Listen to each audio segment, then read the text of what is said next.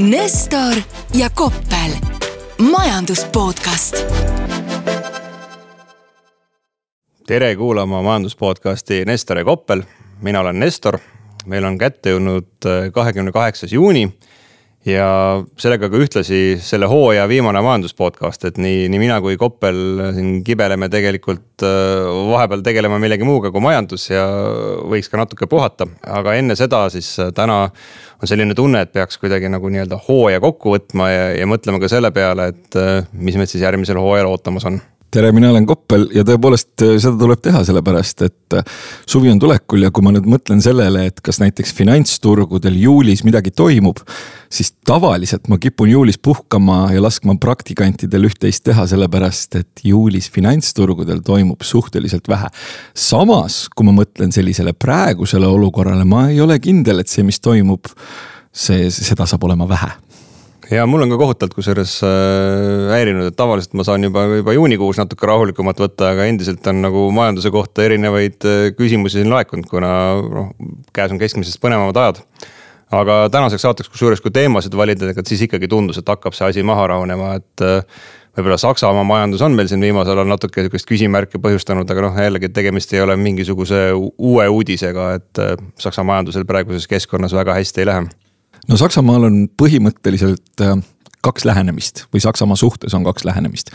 üks lähenemine on see, et äh, oi-oi, juhtunud on olukord, kus äh, Hiinast nõudlust peale ei tule ja seetõttu Saksamaa majandus aeglustub ja eriti on see näha sellises kohas, mis meilgi on problemaatiline ehk töötlev tööstus.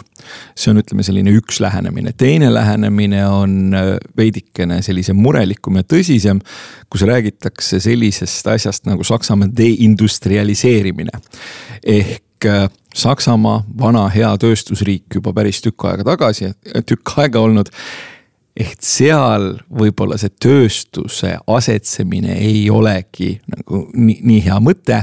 ja peamine probleem sellega seoses on loomulikult energiahinnad, sellepärast et see, et üks väike vastik diktaator gaasikraaniga mängis, tegi sakslastele korralikult haiget.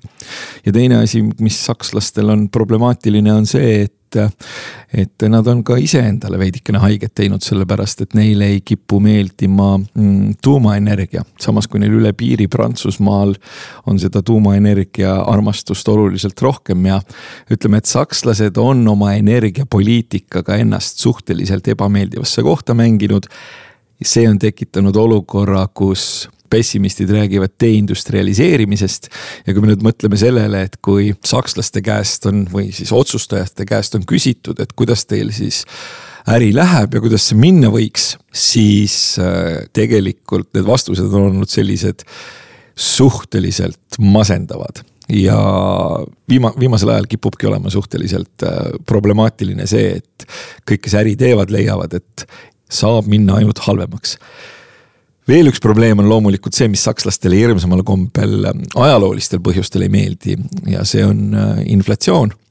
inflatsioon teatavasti euroalal püsib suhteliselt äh, selline kleepuv või vastupidav ja, ja mõningatel puhkudel räägitakse ka sellest, et võib-olla üks peamisi selliseid allikaid euroalal sellel, et kus see, kus see inflatsiooni siis nagu keskpunkt asub, et see on ka Saksamaa.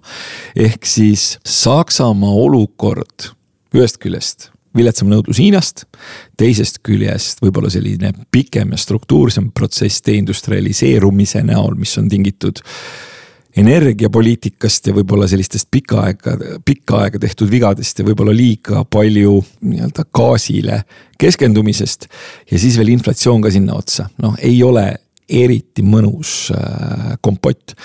ja kui sa nüüd meenutad, siis meie ekspordipartnerite hulgas, et noh, mitmendal kohal see Saksamaa on? no kui sa nüüd peast küsid, siis ma natuke võbelen, aga noh, sisulise poole pealt on väga oluline, ütleks neljas umbes noh, aga, aga siin on vaata, see ongi huvitav külg on see, et ju võtame Rootsi, Soome, kelle jaoks, kui ma nüüd jälle ei eksi, Saksamaa on ka noh, kui mitte kõige olulisem, siis vähemalt üks kõige olulisematest äh, kaubanduspartneritest, et see noh, see tuleb ka sihukese teise ringiga jah, nii et põhimõtteliselt, kui äh, siin on võib-olla ka ajalooliselt öeldud, et kui äh, Saksamaa mm, nii-öelda saab nohu, et siis mõningad muud euroala riigid võivad saada nagu tõsisema gripi. ja ma kahtlustan, et see Saksamaa nõrkus tegelikult ühel või teisel viisil mõjutab ka meid ja mõjutab, mõjutab loomulikult tervet euroala aga noh, kui sa sakslased inflatsiooni ei armasta, siis mida nad armastavad ikkagi on kõrged intressimäärad, lõpuks nagu saab raha panka viia hoiule. et seda nad on juba siin kümme aastat rääkinud, et see ei ole päris okei okay,, et meil on siin negatiivsed või nullintressimäärad. lõpuks said, mis tahtsid, saavad viia raha panka, saavad selle pealt intressi teenida, aga, aga noh, mina ütleks, et Saksa majanduse puhul noh, see energiahindade lugu on mõistagi neile nagu muret valmistanud, aga noh, täna on ju energiahinnad juba normaalsed ja noh, see on tegelikult ju mingisugune. keegi ei suuda ennustada energiahindasid, noh, see on alati selline volatiilne komponent, on ju, ja on paremaid aegu ja on halvemaid aegasid aga Saksamaa puhul minule tundub, et äh, tööstusele panustamine on okei okay,, aga nad on armastanud olla vist väga tublid sellises traditsioonilises tööstuses. aga mingisugust nagu geniaalset uuenduslikku ideed tuleb seal ikkagi üsna aeglaselt, et noh, kogu ütleme elektriautode revolutsioon jõudis sinna ikka ka nagu selgelt äh, mitu aastat liiga hilja ja, ja noh, nüüd vaikselt-vaikselt nad on nagu järgi tõmbamas ennast aga noh, see on lihtsalt üks selline nagu autotööstuse näide, kus siis nagu sakslased tegelikult ei ole olnud äh, väga kiired. Nad ei ole selline äh, majanduslikult äh, nõus kiiresti muutuma ja, ja noh, rääkimata siis kogu sellisest tarkvara, IT, tehnoloogia ettevõtluse poolest, et noh, seal samamoodi, et on oldud konservatiivsed. Nad on konservatiivsed ja kuna ma olen väikest viisi autohuviline, siis sul on täiesti õige point, et elektriauto revolutsiooniga noh, sakslased jäid hiljaks kui mõelda sellele, et, et, et kuidas nagu sakslased jäid elektriauto revolutsioonist maha, siis no see on ilmne, sellepärast et noh, vaadates jällegi seda rahvusvahelist autoajakirjandust, siis tänaseks, kui äh, mõningad nii-öelda Saksa elektriautod, mida siis ka masstoodeti, on olnud juba mõnda aega turul, siis äh, arusaam sellest, kui head või halvad või kvaliteetsed need on, on ikkagi suhteliselt äh, õnnetu võrreldes sellega, mis on sakslaste puhul traditsiooniliselt räägitud. ehk siis eriti need Saksa elektriautod, eriti need, mida massilisemalt toodetakse, ei kipu kellelegi, kellelegi meeldima. ja noh, mis puudutab, ütleme seda IT teemat, siis tõepoolest seal on see probleem, et Äh, Ühendriigid on selle teema keskus maailmas ja keegi eriti teine mingisugust sellist äh, head konkurentsi positsiooni ei kipu omama. võib-olla Hiina kunagi, võib-olla India kunagi, aga praegu on ikkagi sellise digirevolutsiooni keskpunkt vist juba mingisugust äh, kolmandat nii-öelda sellist revolutsioonilist põlvkonda on, on Ühendriikides aga no vaadates seda Saksa majanduse tänaseid probleeme, et äh, mina nagu ei välistaks seda, et äh, ongi Saksamaad ees ootamas äh, selline pikem, üsna kesise majanduskasvu periood. kuna noh, selliste muutuste läbiviimine selle paratamatult võtab palju aega ja nad on nagu nii mõneski täna kiiresti arenevas valdkonnas maha jäänud.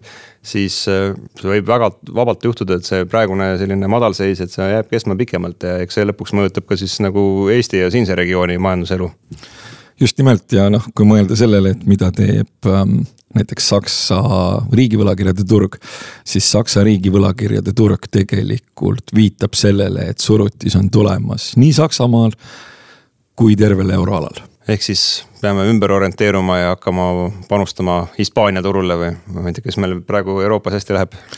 Noh, kui me mõtleme aktsiaturgude kontekstis ja mõtleme sellele, et kas hästi läheb, siis ma soovitaksin äh, kõigil äh, vaadata näiteks, mis on teinud aasta algusest Kreeka turg see on päris äh, muljetavaldav ja, aga samas ma kujutan loomulikult ette, et ega vist ei ole väga palju investoreid, kes oleks Kreeka turule investeerinud Eestis kas seal on äh,, tore, mul on hea teada, et seal on aktsiaturg.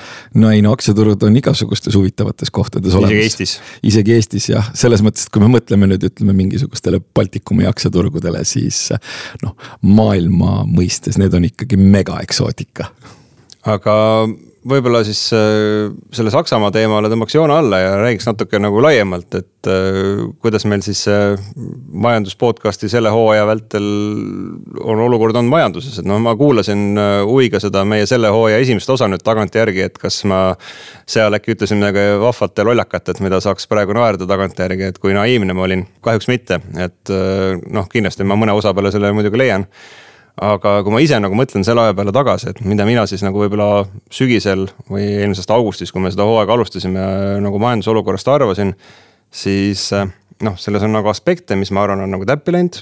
et eh, see nüüd, et Eesti tööstuses on olukord väga hapu ja see tuleneb siis eh, Põhjamaade nõudluse madalseisust, et see, seda, seda oli nagu ette teada aga noh, kus Peeter, ma võib-olla sulle nagu annaksin nagu minu punktid on see, et ikkagi mina uskusin, et see inflatsioon tuleb ikkagi kiiremini alla.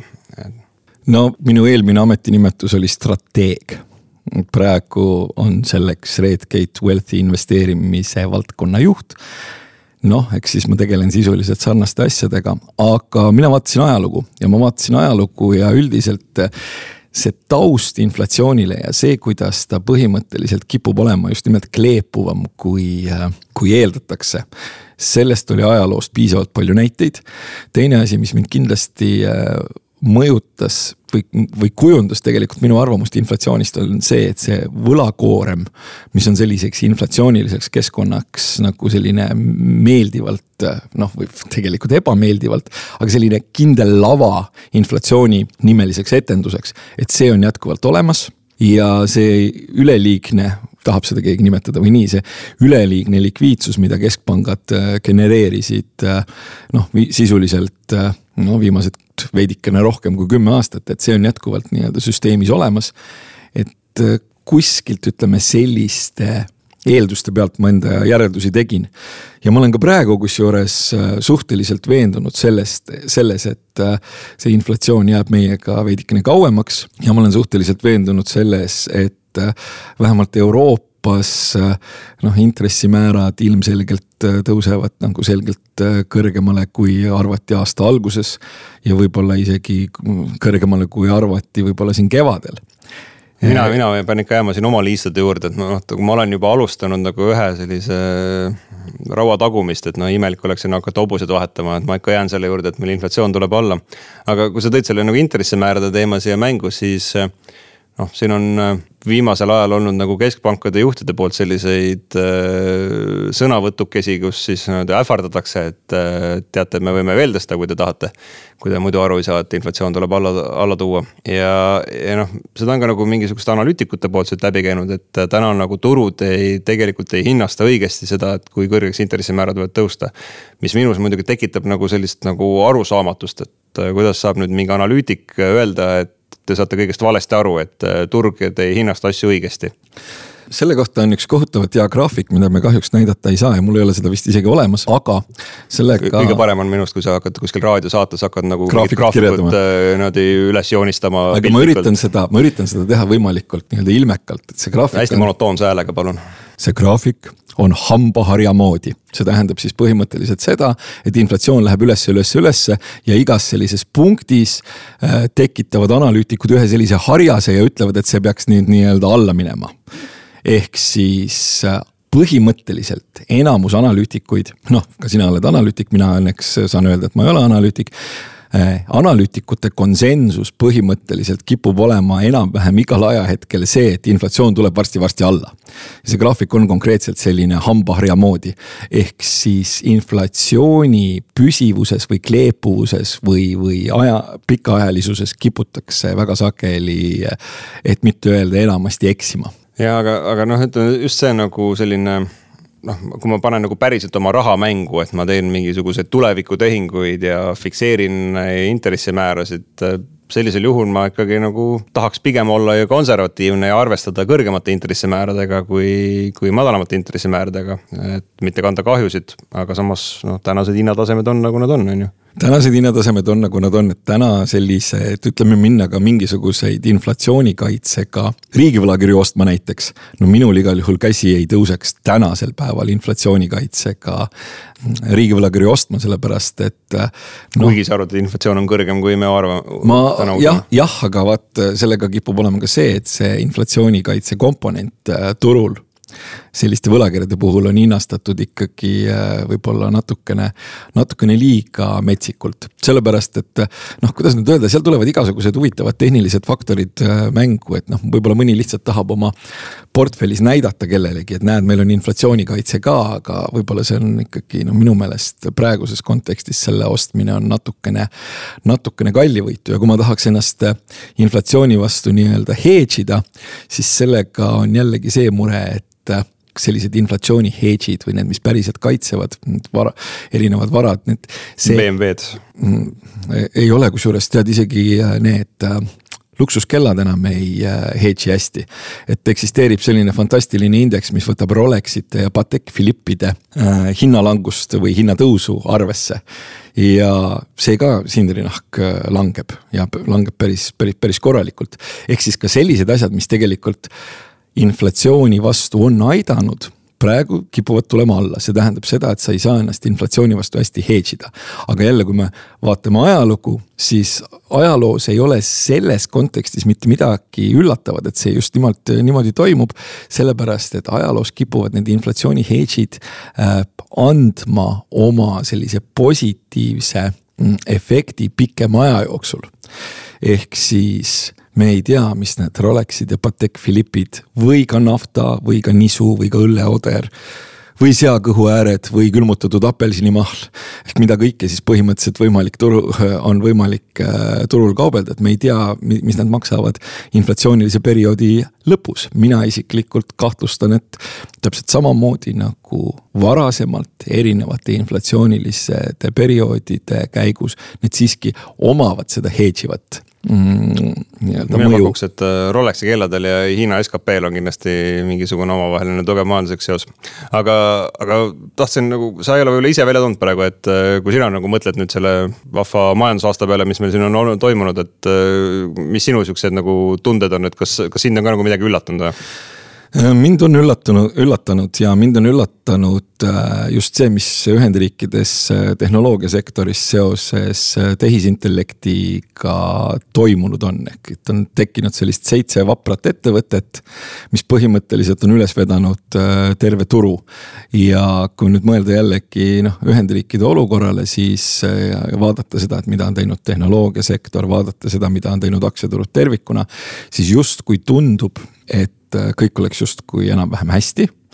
Kui vaadata tööturgu, tundub ka, et kõik oleks enam-vähem hästi, samas tegelikult probleeme on, aga mind on jah, tõepoolest üllatanud see, et äh, täiesti sirge näoga leitakse, et võiks osta ettevõtet, mille PE on üle kahesaja ja mille price to sales on nelikümmend.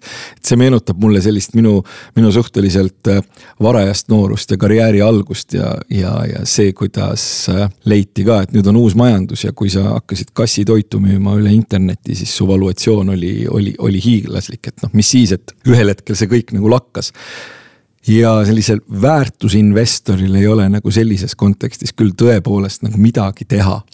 sest see buum mm, just nimelt nagu nende seitsme aktsia osas ja võib-olla veel mingisuguste väikesemate ettevõtete puhul, et see on olnud äh, fantastiline ja see on viinud nii-öelda fundamentaalselt õigustatud hinnatasemed sellistesse kohtadesse, kuhu, kus ei ole võimalikult öe, võimalik enam öelda, et need oleks mingil moel fundamentaalselt õigustatud.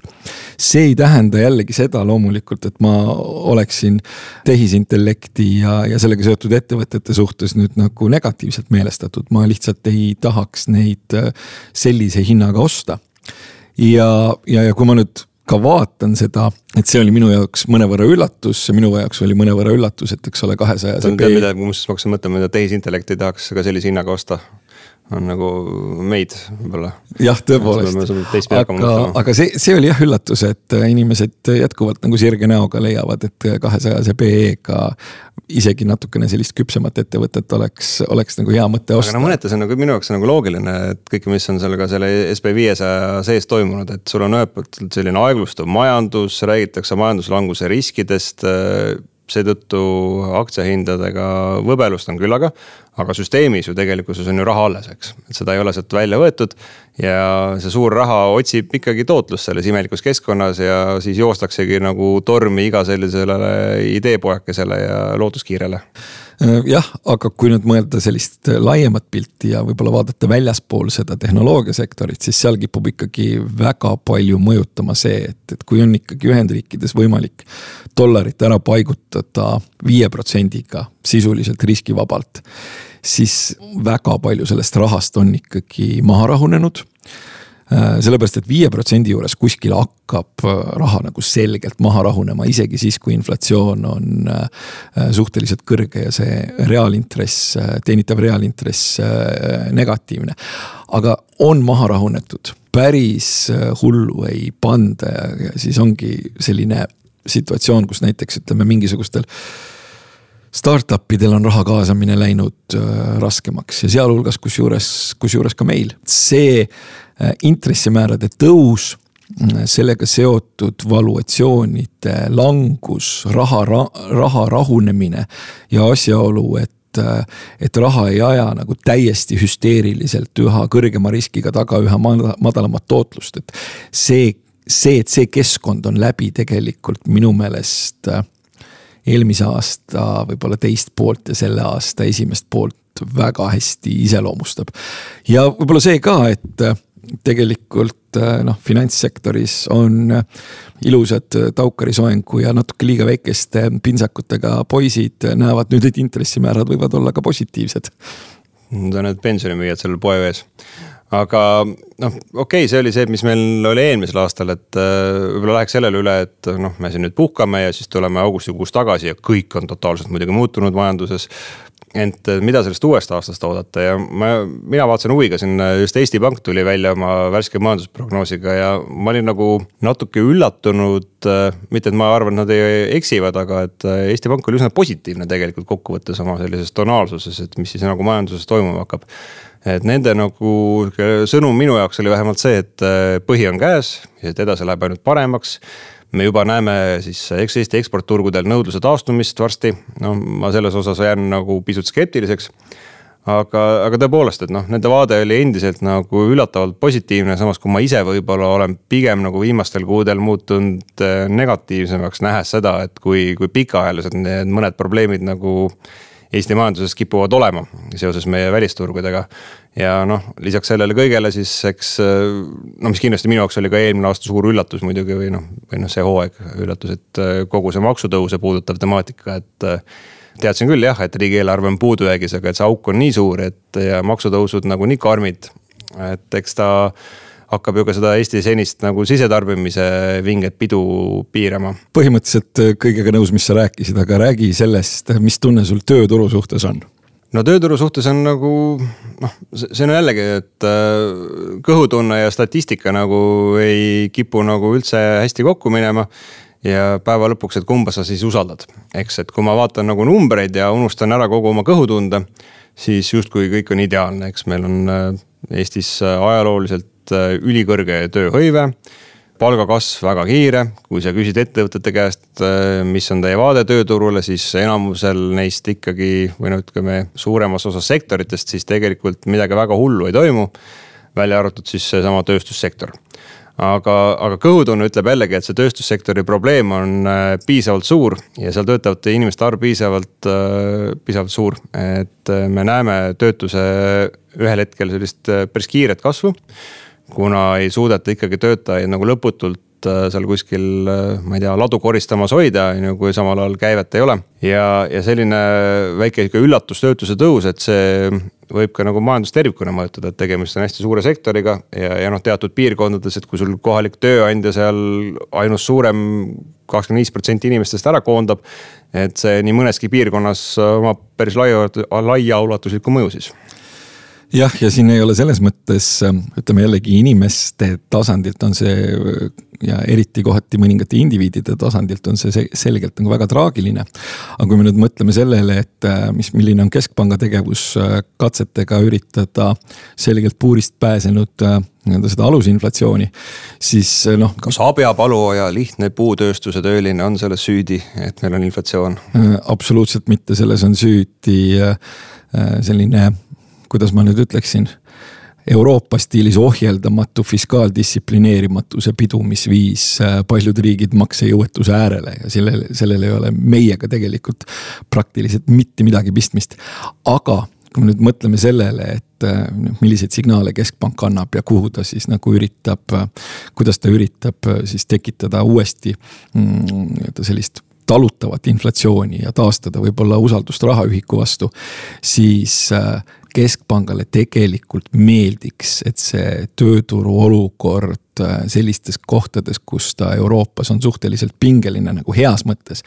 et see pinge sealt veidikene väljuks ja tööpuudus kasvaks, sellepärast et noh, mis seal salata kui rohkem inimesi on tööta, siis inimesed tarbivad vähem, see vähendab lõppnõudlust, lõppnõudlus väheneb äh,. hinnatõusu surve väheneb ja niimoodi seda inflatsiooni natukene alla, allapoole saadaksegi, et äh, noh, tegelikult äh, taustal võib öelda, et keskpangale tõenäoliselt meeldiks see, et tööpuudus veidi kasvaks, kuigi see nii-öelda inimeste ja eriti mõningate indiviidide tasandil on nagu selgelt ebameeldiv noh, kuigi mulle tundub, et täna tegelikult, kus see nagu, mis omaks mõju inflatsioonile oleks ikkagi see teenusmajanduse selline aeglustumine ja seal ütleme, töötavate inimeste arvu vähenemine. Et sest, et täna on tõenäoliselt see ka selline noh, ütleme, kui me räägime alusinflatsiooni välja võtame, et see on, see on see, see tugev nõudlus teenuste tarbimise järgi, seal on lihtne viis siis nagu hindasid tõsta, on see, mis seda ka inflatsiooni nagu tagant kütab. Jah, aga noh, nagu ma siin ikkagi erinevate huvitavate majandusagentidega suheldes olen äh, täheldanud, siis äh, vähemalt iluteenuste osas on surutis Eestis juba käes no siis on, saab midagi soodsamalt endale panna või teha. aga Eesti Panga vaade muuseas on äh, tööturul ikkagi minu jaoks nagu äärmiselt positiivne, et noh, sellel aastal öeldakse, et keskmine töötuse määr ainult kuus pool protsenti. hoolimata siis sellest, et meil juba siin statistilistel põhjustel see töötuse määr tõuseb ja aga küll siis ennustatakse, et kaks tuhat kakskümmend neli peaks üle seitsme protsendise töötuseni jõudma, noh, saame näha seitse protsenti, see kõlab suhteliselt suure numbrina, aga ma olen aru saanud, et keegi kunagi äh, esitas. sellepärast mina paningi kuus koma üheksa. ahah, et keegi kunagi esitas väite, see võis isegi sina olla, et Eestis on naturaalne tööpuuduse määr ka kuskil nii-öelda kuue juures. et äh, kui raamatus on kirjas, et see võiks olla neli või neli pool, siis Eestis tingituna võib-olla meie ajaloost ja, ja veel mõningatest faktoritest on see selgelt kõrgem. ja kohe, kui see tööpuudus nii-öelda sinna jõuab ja sealt, sealt äh, võib-olla isegi natuke madalamaks läheb, et siis käivitub äh, palgaralli. et palju meil see palgakasv sellel aastal nagu tulla võiks, küll selle kohta on sul ka kindlasti mingisugune huvitav äh, mõte või on Eesti Pangal huvitav mõte? no Eesti Pank siin protsenti peast ei tea, aga, aga kahekohaline on see vastus kindlasti vaadates seda lihtsalt, kuidas aasta alanud juba on, nad e-, Eesti Panga andmetel siis üle üheteist protsendi, no umbes midagi sellist jah. Et äh, taaskord, et tuleme ots otsaga toime ja see peaks isegi meil inflatsiooni ületama, on ju ehk siis äh, kahekohalise inflatsioonimäära tingimustes tuleb meil ikka kahekohaline. ühekohaline tuleb, meil tuleb, siin, siin on meil Eesti Pangaga täielik konsensus, minul ja Eesti Pangal, et see on umbes üheksa protsenti. aga, aga mille peale me kihla veame, et tuleb kahekohaline? ma ei ole täna selleks valmis. isegi šokolaaditahvli peale mitte? äkki või? jah, suur. teeme. Selge, ehk siis me oleme nüüd äh, Nestoriga kihla vedanud, et selle aasta inflatsioon tuleb kahekohaline ja suure annekese šokolaadi peale. Midagi ma tahtsin selle inflatsiooni ja reaalpalga kohta veel öelda, aa seda tahtsin öelda, et äh, ütleme minu seisukohast, et potentsiaalselt kahekohaline inflatsioonimäär ja samal ajal positiivne reaalpalga kasv me oleme noh, selle kohta nüüd midagi halba öelda ei saa, et see on ju fantastiline tegelikult. jah, ja no ma arvan, et kui sina nüüd töökohta vahetasid, et ju sa said ka sellel aastal nagu suurema palgatõusu, kui Eesti inflatsioon tuleb, et saame hakkama. ma ei ole seda kalkulatsiooni teinud, aga kas sa lubad mul kokku tõmmata seekord? ja palun. väga hea, meie olime Nestor ja Koppel, see oli meil hooaja viimane saade ja tegelikult me sügisel tuleme tagasi. noh, augustis, tegelikult tuleme juba augustis. augustis, Ah, no see on suvi veel muidugi. tegelikult me tuleme augustis tagasi ja jätkame uue hooga ja uue energiaga. seniks äh, ilusat suve ja ärge siis palju infleerige. Nestor ja Koppel, majandus podcast